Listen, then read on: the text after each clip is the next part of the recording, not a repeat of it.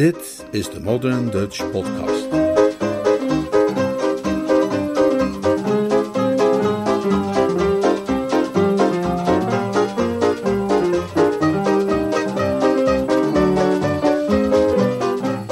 Succesverhaal.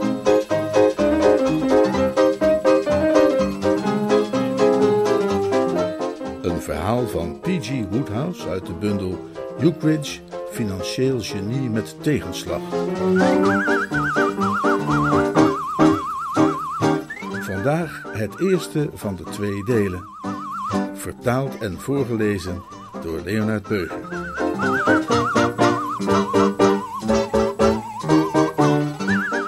Voor iemand als ik, die gewend is aan een broodje kaas en een glas bier tussen de middag, was het heel plezierig om ook eens in de grillroom te zitten van het beste restaurant van Londen, te midden van groothertogen in ballingschap, revue-danseresjes en miljonairs van de betere soort, in de wetenschap bovendien dat het me geen cent zou gaan kosten.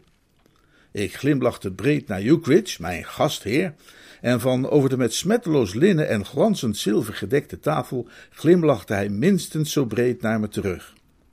Hij deed me denken aan zo'n gulle, joviale, 18e-eeuwse landheer uit de kleurenbijlagen van het kerstnummer aan het hoofd van de dis bij het jaarlijks diner voor de pachters. Uh, wees niet te zuinig met de caviar, kokkie, drong hij hartelijk aan. Ik zei dat ik zeker niet te bescheiden zou zijn. En eet vooral genoeg van die zeebliek, hè? Ik zei dat ik ervoor zou zorgen. En als straks de biefstuk wordt opgediend, val er dan stevig op aan met je hoofd voorover en je ellebogen naar buiten. Dat was ik al van plan geweest. Iemand die in de gedroomde situatie verkeert in een duur restaurant te mogen lunchen met een Stanley Fanshawe Ukridge die heeft aangekondigd de rekening te zullen voldoen, gaat zich niet zitten terughouden. Zo iemand is geneigd om eruit te halen wat erin zit, zolang de omstandigheden het uitzonderlijk genoeg toelaten. Pas toen aan het eind van het maal de sigaren werden gepresenteerd en de gastheer en aanstichter van het feestmaal de eenvoudiger soorten links liet liggen en een stel sigaren uitzocht dat een sterke gelijkenis vertoonde met jeugdige torpedo's, leek een enkel waarschuwend woord mij toepasselijk. Ik neem aan dat je weet dat die dingen een tientje per stuk kosten. Oh, habbekrats. Dit is een geurig, verfrissend rokertje en ik denk dat ik er een paar kistjes van ga bestellen. Verbluft trok ik aan mijn torpedo. De laatste paar weken had mij al een paar maal het gerucht bereikt dat S.F. Ukridge, die gehavende speelbal van het lot, op mysterieuze wijze de beschikking leek te hebben gekregen over geld. Verschillende lui hadden me al verteld dat ze hem tegen waren gekomen en dat hij de knaak die ze al automatisch tevoorschijn hadden gehaald met een nonchalant gebaar en een geamuseerde lach had weggewuifd. Heb je een baan gevonden? vroeg ik. Ik wist dat zijn tante Julia, de bekende romanschrijfster Miss Julia Ukridge, hem al jarenlang probeerde over te halen ergens een betrekking te aanvaarden, en het leek erop dat zij wellicht een of andere positie voor hem had weten te regelen, waarbij hij kennelijk over de kas kon beschikken. Ukridge schudde zijn hoofd. Nee, iets veel beters, knabo. Het is me eindelijk gelukt om een basiskapitaaltje bij in te brengen, met behulp waarvan ik binnenkort een enorm fortuin zal weten te vergaren. Hoe dan, vraag je? Tja, knul, om dat te kunnen zeggen is nog te vroeg. Ik ben aan het rondkijken, maar ik kan je één ding vertellen. Ik ga geen ceremoniemeester worden in zo'n bokstent in het oosten van de stad, zoals ik de laatste tijd heb overwogen. Wanneer heb ik jou voor het laatst gezien? Uh, drie weken geleden. Toen heb je nog 2,5 shilling van me geleend. Die jou duizendvoudig zal worden terugbetaald. Reken daar maar op. Dat is het soort geld dat ik tegenwoordig aan de vogeltjes voer. Drie weken geleden, hè? Nou, toen is dit allemaal begonnen. Vlak daarna ben ik die man tegengekomen in de kroeg, die me het baantje aanbood van presentator en ceremoniemeester in het grote bokspaleis in Botterton East. Waarom vroeg hij dat aan jou? Hij leek onder de indruk van mijn stem. Ik had juist een politieke discussie gevoerd met een dove communist aan het andere uiteinde van de bar. En hij zei dat hij al een tijdje op zoek was geweest naar iemand met een stevige, verdragende stem. Hij had een onvoorziene vacature, doordat de vorige functionaris uitgeschakeld was door een leveraandoening, en zei dat ik dat baantje wel kon krijgen als ik er vol voelde. Ik hapte uiteraard meteen toe. Ik was al een tijdje op zoek naar een functie met toekomst. En daar zat de toekomst in, had jij het idee? Een stralende toekomst, mag ik wel zeggen. Denk eens na, de cliëntele van een dergelijk instituut bestaat weliswaar voornamelijk uit orgeldraaiers en visboeren, maar dan toch vermengd met trainers, jockeys, stalknechten en andere jongens die weten hoe het zit in de racewereld en die graag een gokje wagen. En die willen allemaal vriendjes worden met de ceremoniemeester, zodat het volgens mij niet lang kon duren voordat mij van alle kanten waardevolle tips zouden gaan worden ingefluisterd, waarmee ik op grote schaal mijn voordeel zou kunnen doen. Ik bedankte de man dus uitbundig en trakteerde hem op de nodige drankjes. Het duurde tot na het zesde drankje, voor hij mij onthulde het addertje onder het gras lag verscholen. Halverwege ons baganaal liet hij terloops even vallen dat hij er zich op verheugde mij in de ring te zien staan in mijn geklede pak. Ukridge laste een dramatische pauze in, tijdens welke hij mij aanstaarde door zijn pince-nez, die als gewoonlijk achter zijn oren was bevestigd met behulp van het ijzerdraad van een champagnekurk. En mijn geklede pak, Corky? En dat schokte jou op de een of andere manier? Die woorden troffen mij als een vetvlek op mijn goede das. Je bedoelt dat je geen avondkleding bezat? Precies. Een paar maanden daarvoor, toen ik nog bij mijn tante woonde, had ze een keurige rok voor me gekocht, maar die had ik al lang moeten verpatsen om in mijn levensonderhoud te voorzien. Maar die man maakte mij volkomen duidelijk dat een presentator en ceremoniemeester van het grote bokspaleis in Batterton Oost eenvoudig niet zijn werk kon doen als hij niet was gekleed in wat de Fransen hun grand tenue noemen. Eh, en dat valt natuurlijk te begrijpen. Zo iemand moet de nodige glamour uitstralen. Die orgeldraaiers en visboeren willen graag naar hem kunnen opkijken als iemand uit een andere en betere wereld. En een smetloos avondkostuum, liefst nog versierd met een enkele diamanten speld, is daarbij volstrekt onmisbaar. Dus ja, daar hield het op. Hele klap, dat zul je met me eens zijn. En een heleboel lui zouden door die klap ook meteen geveld zijn. Maar ik neet Corky. Van wie is ook alweer die uitspraak: je moet nooit ergens te lang mee in je macht blijven zitten? Uh, zei Jonas dat niet tegen de walvis? Misschien. Hoe dan ook, ik zei dat nu tegen mezelf. Ik vermande me snel, dacht er eens goed over na en zag al gauw dat niet alles verloren was. Een das, een bord, een frontje en een diamanten speld. Nou, die dingen zijn voor een paar penny te koop als je weet waar je wezen moet. Dat viel nog wel binnen mijn budget. Het enige echte probleem was om aan een rockkostuum te komen. Hij zweeg en trok aan zijn sigaar. De volgende dag, ging Hugh verder, ging ik bij George Tupper langs op het ministerie van Buitenlandse Zaken. Ik zag het helemaal zitten. Tweedehands rok moet voor vijf pond wel ergens te vinden zijn. En uit Tuppy op het juiste moment weet aan te spreken. En er bijvoorbeeld niet toevallig die ochtend een marineverdrag is gestolen door een geheimzinnige gesluierde vrouw. Dan valt er vaak wel vijf pond van hem los te peuteren. Maar dat happy end zat er deze keer niet in. Tuppy was op vakantie. Uit mij vraagt Corky gaan die verwende bureaucraten gewoon te vaak op vakantie. En dat bevalt me niks. Wij, als belastingbetalers, hoesten elke maand het salaris weer op van zo'n George Tupper. En dan mogen we ook service verwachten. Of niet soms. Maar goed, zo was het nu eenmaal. Toen ben ik nog even bij jou thuis geweest, maar ik merkte dat je alles had weggesloten. Je moet oppassen hm? dat je die kille achterdochtige trekjes niet verder ontwikkelt, Corky. Dat is helemaal niet goed voor je karakter. Maar ja, goed, tenslotte is dat er niets anders op dan naar de Cedars te gaan in Wimbledon Common, om te proberen dan toch maar weer mijn tante een poot uit te draaien. Niet bepaald een klusje waar ik met plezier naar uitkeek. We stonden de laatste tijd toch al niet op zo'n goede voet met elkaar. Sterker nog, de laatste keer dat ze me het huis uitschopte, had ze er duidelijk bij gezegd dat ze mijn lelijke smoelwerk nooit meer wilde zien. Ik verwachtte dus niet dat ik erg hartelijk zou worden ontvangen, en dat klopte ook. Ze stond juist op het punt om te vertrekken naar de Riviera. De auto stond klaar voor de deur toen ik aankwam en Oakshot, de butler, hielp haar instappen. Toen ze me zag, snoof ze met het geluid van iemand die een strook linnen afscheurt, maar ze begon me niet meteen af te ranselen met haar paraplu. Dus ik stapte bij haar in de wagen en we reden weg richting station. Ik begon natuurlijk eerst met de nodige complimentjes. Maar tante Julia, zei ik, wat ziet u er fantastisch uit. Ze zei dat ik er verschrikkelijk uitzag en vroeg wat ik wilde. Ik wilde eigenlijk alleen u maar even zien, beste tante. Ik wilde even weten of het wel goed met u ging. De natuurlijke bezorgdheid van een neef. Maar als u nu toevallig een rokkostuum bij u zou hebben, dan. Hoezo een rokkostuum? Wat is er gebeurd met die avondkleding die ik pas nog voor u heb gekocht? Dat is een lang en droevig verhaal, tante. Je hebt het vast ergens verpatst. Absoluut niet. Als u zo over mij denkt, ja, dat doe ik. Tja, in dat geval heb ik niets meer te zeggen. Dan kun je nu maar beter meteen uitstappen. Zeg maar tegen Wilson dat hij hier even stilhoudt. Ik voelde er niets voor om Wilson te vragen te stoppen voordat ik de gelegenheid had gehad om mijn probleem grondig uiteen te zetten en mijn zaak te bepleiten.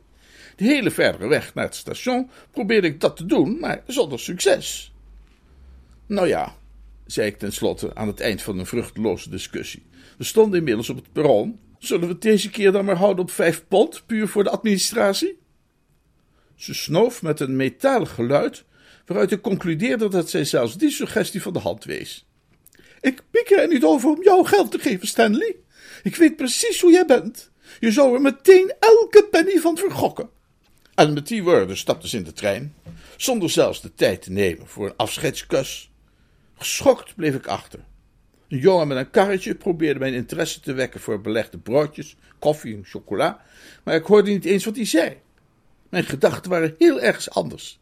Ik bepeinsde nerveus het reusachtige idee dat zojuist bij me was opgekomen. Het was het woord gokken dat mij erop gebracht had. Dat heb ik vaak. De kleinste hint is doorgaans al genoeg.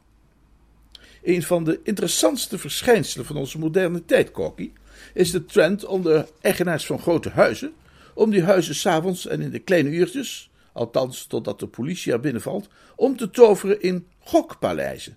Ze kopen zachte suède schoenen, paar pakken kaarten en een roulette tafel. Ze laten rondfluisteren in het gokkerswereldje dat het daar en daar losgaat. En de spelers komen er prompt in kuddes op af. Bij de gebruikelijke provisie voor het huis valt er een enorme winst te maken. Waarom zou ik dus niet, bij afwezigheid van mijn tante, de ceders in Wimbledon Common openstellen voor het goklustige publiek en zo een fortuin binnenslepen? Ik kon geen zwakke plekken in mijn plan ontdekken. Voorzichtig en welbezonnen als ik ben, zocht ik daar nog wel een poosje zorgvuldig naar, maar zonder succes.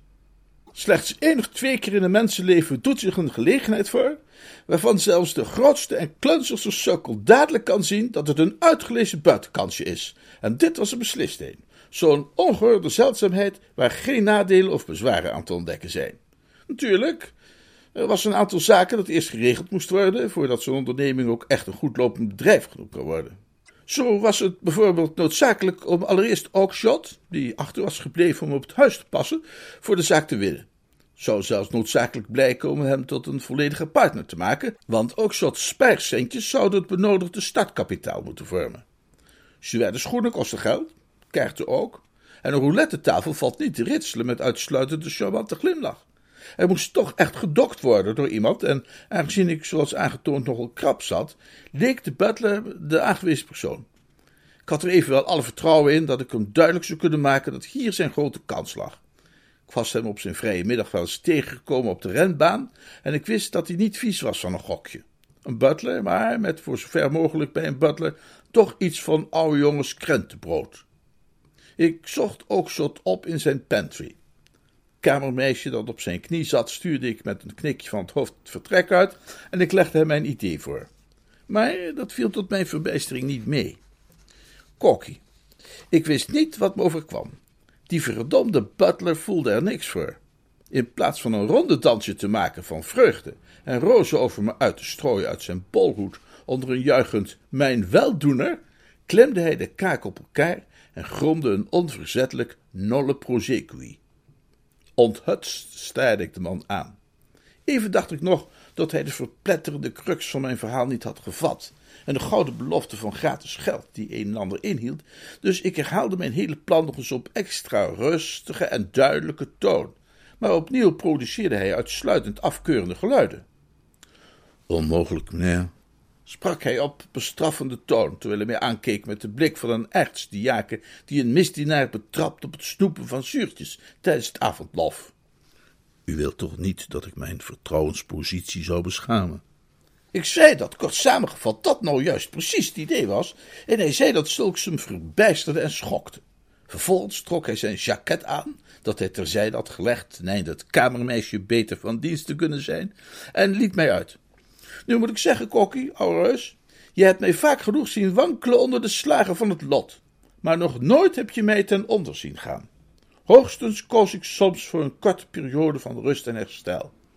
Moest je mij in één woord beschrijven, dan zou jij waarschijnlijk kiezen voor het bijvoeglijk naamwoord veerkrachtig. En daar zou jij dan groot gelijk in hebben. Veerkrachtig is precies wat ik ben. Maar ik schaam me niet om toe te geven dat ik bij deze gelegenheid toch een moment de neiging kreeg om de handdoek in de ring te werpen en onder de dekens te kruipen. Zo hevig was de klap aangekomen.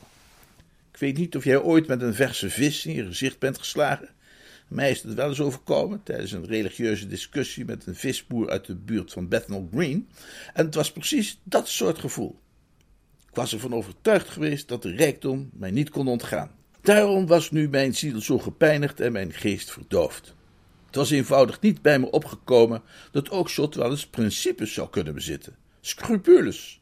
Het was alsof ik het winnende lot uit de Ierse sweepstake in mijn bezit had, maar de organisatoren weigerden uit te betalen, omdat ze gewetensbezwaren gevoelden ten opzichte van kansspelen. Ik verliet de butler als een gebroken man, en nog dagenlang liep ik rond als in een boze droom. Daarna trok ik weer voldoende bij om mijn gedachten, zij toch moeizaam, te kunnen richten op de praktische dingen des levens. Ik probeerde voorzichtig weer nieuwe methodes te vinden om een leningje te organiseren voor de aanschaf van dat avondkostuum, maar ik was nog steeds niet helemaal mezelf. Tot twee keer toe kon ik niet voorkomen dat potentiële geldschieters op tijd een zijstraatje wisten in te schieten. En toen ik op een ochtend op Piccadilly Looney Koet tegen het lijf liep en vroeg of hij mij er geen vijf kon lenen, deed hij alsof hij dacht dat ik vijf shilling bedoelde en drukte me die in de hand. ik stak het geld lusteloos in mijn zak. Hoe onbelangrijk leek het allemaal opeens. Herinner jij je Looney Koet nog? Hij heeft bij ons op school gezeten. Een geschiftige figuur kun je je niet voorstellen. Altijd net de inspectiedienst geestelijke gezondheid één stapje voor, maar rijker dan een mens zich kan voorstellen.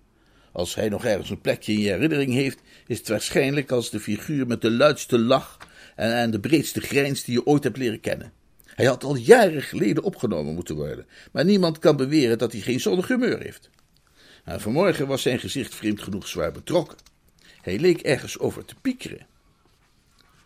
Ik durf te zweren dat het geen zuivere koffie was, hoorde ik hem mopperen. Denk jij dat het zuivere koffie was? Welke koffie, Looney, beste jongen, vroeg ik. Vijf shilling is niet veel, maar een mens moet beleefd blijven. Dat kaartspel waar ik het over had. Hij had me helemaal niets verteld over een uh, kaartspel, dus dat zei ik. Hij keek verbaasd. Niet? Oh, ik dacht het. Ik heb het al tegen iedereen verteld. Ik ben gisteren naar zo'n gokhuis geweest en compleet uitgekleed. Maar toen ik er later nog eens over nadacht, had ik serieus de indruk dat het geen zuivere koffie was. De gedachte dat iemand die zo rijk was als Looney zijn geld ging vergokken bij een instelling waar ik financieel niet bij geïnteresseerd was, reed de wonden, naar je je kunt voorstellen, niet weinig open. Hij vroeg waarom ik zo diep moest zuchten en ik zei dat ik niet zuchtte, maar kreunde. Waar was dat? vroeg ik. Tja, in een van die grote huizen op Wimbledon Common. Soms, Corky, zijn er momenten waarop ik opeens het gevoel krijg dat ik helderziend ben. Op het moment dat hij dat zei, kreeg ik niet gewoon het vermoeden dat hij het had over Tantenheim. Ik wist het eenvoudig zeker. Ik greep hem bij zijn mouw. Looney, hoe heette dat huis? Een van die maffe namen die ze daar aan die huizen geven. De beuken of de treurwillig of iets in die geest. De ceders misschien? Precies. Ken je het daar? Nou, ik ben meer dan half van plan om dat stelletje boeven zijn lesje te leren. Weet je wat ik ga doen? Ik ga. Ik liet hem staan. Ik wilde even alleen zijn om na te kunnen denken. Om dit te kunnen overpeinzen, Corky. Om wat hij mij verteld had eens goed van alle kanten te overwegen en tot in details in mij op te nemen. En hoe meer ik erover nadacht, hoe meer ik erop studeerde, hoe meer ik in afgrijzen begon terug te deinzen van de duistere afgrond waarin ik staarde. Als er één ding is dat een welopgevoed en weldenkend mens diep bedroefd kan maken, dan is het wel te moeten aanschouwen tot welke gruwelijke diepte het mensenwezen kan zinken, als dat wezen eens flink de mouwen opstroopt en er echt zijn best voor doet. Want het was maar al te misselijkmakend duidelijk wat er gebeurd was. Die wolf in Butlers kleding had mij op de ergste manier belaattafeld. Het was voor iedereen duidelijk wat een valse knopendraaier van het zuiverste water die man was. Hij moet vanaf het eerste ogenblik dat ik mijn voorstel op tafel legde vastbesloten zijn geweest mij de vrucht van mijn wijde visie en economisch inzicht te ontroven. Hij was vast en zeker meteen na mijn vertrek aan de slag gegaan. Ogenblikkelijk zocht ik de schurk op om hem nader aan de tand te voelen en hem eens goed de waarheid te vertellen. Ja, ogenblikkelijk was het een beetje moeilijk, want het is nog een heel eind naar Wimbledon en geld voor een taxi had ik niet. Deze keer vond ik hem in de slaapkamer van mijn tante, waar hij kennelijk voor de duur van deze episode zijn domicilie had gevestigd. Hij lag achterover in een leunstoel, een sigaar tussen de lippen en wierp losjes kolommen met cijfers op een vel papier, die hij vervolgens begon op te tellen. En ik zag al snel in dat de vier pennies die de reis me had gekost weggegooid geld waren. Ik was van de gedachte uitgegaan dat de man, zodra hij mij zag, wel zou sidderen van schaamte. Maar dat deed hij niet. Mannen zoals hij sidderen waarschijnlijk niet, of schamen zich nooit. De schaamte ontwikkelt zich immers op basis van een slecht geweten. En het geweten van Oakshott had er waarschijnlijk al tijdens zijn vroege jeugd de brui aangegeven. Toen ik met de voeten licht gespreid en mijn armen voor de borst gekruist op hem neerkeek in zijn stoel en hem de woorden: Jij smerige bedrieger toewierp, antwoordde hij alleen maar: Nee, en trok nog eens aan zijn sigaar. Dat maakte het tamelijk lastig om te bedenken wat je dan moest zeggen. Maar goed, dat lukte uiteindelijk wel. En ik beschuldigde hem er ronduit van mijn fantastische vondst te hebben gejat en mij zo te hebben beroofd van de verdiensten die mij toekwamen. Met een zelfgenoegzame grijns op zijn gezicht gaf hij dat ook onmiddellijk toe. Sterker nog, en jij met jouw onschuldige aard, Corky, zult het niet willen geloven. Hij bedankte me ervoor dat ik hem zo'n geweldig idee aan de hand had gedaan. En tenslotte bood hij me zelfs met ongelooflijke onbeschaamdheid vijf pond in ruil voor mijn aanspraken en voegde eraan toe dat zijn weekhartigheid hem nog eens zou ruïneren als hij niet uitkeek. Eerst probeerde ik uiteraard nog hem tot een partnerschap over te halen door te dreigen mijn tante in te lichten, maar dat wuifde hij luchtigjes weg met de opmerking dat hij ook nog wel een paar dingetjes over mij wist die ik liever niet wilde dat mijn tante te weten kwam. En er was inderdaad een goede kans dat zulks het geval was. Dus dat was dat. Waarop ik mij eens behoorlijk liet gaan, knabo. Ik ben altijd al tamelijk wel bespraakt, zeker als ik mij kwaad maak. En ik was, geloof ik, behoorlijk in vorm. Zijn vernederende fooi wuifde ik weg, daarbij puttend uit het vocabulaire van een bootsman op de grote vaart die zijn meest geharde matrozen de mantel uitveegt, aangevuld met het idioom dat diezelfde matrozen gebruiken met betrekking tot de bootsman bij de nabespreking in het vooronder van dat incident. Vervolgens draaide ik mij om, schreed de deur uit om er op de drempel nog een uitdrukking aan toe te voegen die ik had opgepikt van een stoker die de barman van een kroeg in Montevideo terecht wees nadat deze hem een laatste glas had geweigerd, omdat hij volgens hem al te veel had gehad. Terwijl ik de deur achter mij dicht smeet, werd ik vervuld door een gloed van innerlijke vervoering. Het leek me dat ik mij onder deze zeer moeilijke omstandigheden voortreffelijk had weten te gedragen. Ik weet niet, Corky, of jij wel eens een edelmoedige keuze hebt gemaakt en bijvoorbeeld geweigerd hebt om geld aan te nemen omdat het uit een verdachte bron kwam en te weinig was. Maar het is me wel eens vaker opgevallen in dat soort gevallen dat zo'n gloed van innerlijke vervoering dan na een tijdje weer lelijk begint af te koelen. De reden neemt weer de overhand boven emotie en je begint jezelf af te vragen of je niet uit edelmoedigheid iets vreselijk stoms hebt gedaan. Mij overviel die gedachte halverwege een zenuwherstellende pint in een pub in Jermyn Street. Op dat moment kwam namelijk die kerel uit Bottleton Oost binnen en zei dat hij me overal had lopen zoeken. Hij wilde me zeggen dat ik nu wel binnen 24 uur moest beslissen over dat baantje als ceremoniemeester, omdat de daartoe gemachtigde autoriteiten die plek daarna niet langer meer voor me open konden houden. En de gedachte dat ik bij volle bewustzijn die vijf pond had afgewezen die een tweedehands avondkostuum binnen handbereik zou hebben gebracht, doorbeurde mijn hart als een scherp mes. Ik verzekerde hem dat ik het hem de volgende dag beslist zou laten weten en ging de straat op omdat ik onder het lopen altijd goed kan nadenken. Het was een buitengewoon lastige en complexe situatie. Aan de ene kant verbood mijn trots me om terug te krabbelen en die boosaardige butler alsnog om die bezoedelde vijf pond te vragen, maar ja, aan de andere kant, nu Tuppy de stad uit was, moet je begrijpen, wist ik absoluut niet hoe ik nog aan enige pecunia moest komen. En het was volstrekt noodzakelijk dat ik op korte termijn ergens een baantje vond. En afgezien daarvan had wat die kerel gezegd had over hoe hij zich erover verheugde mij daar in de ring te zien staan in mijn geklede pak, mijn verbeelding niet weinig gestimuleerd.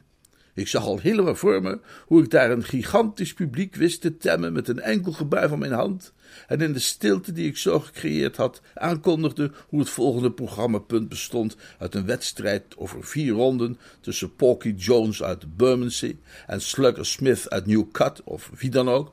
En ik moest toegeven dat ik dat een erg aanlokkelijk, zo niet wel haast bedwelmend beeld vond. De gedachte het brandpunt te zijn van ieders ogen, elk van mijn woorden begroet te weten met een enthousiast gefluit, die gedachte was hartverwarmend.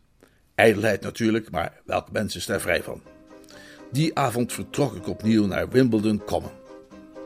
Ik was me volledig van bewust dat de trots van Ukridges een stevige knauw zou gaan krijgen. Maar er zijn nu eenmaal momenten waarop de trots aan het kortste eind trekt.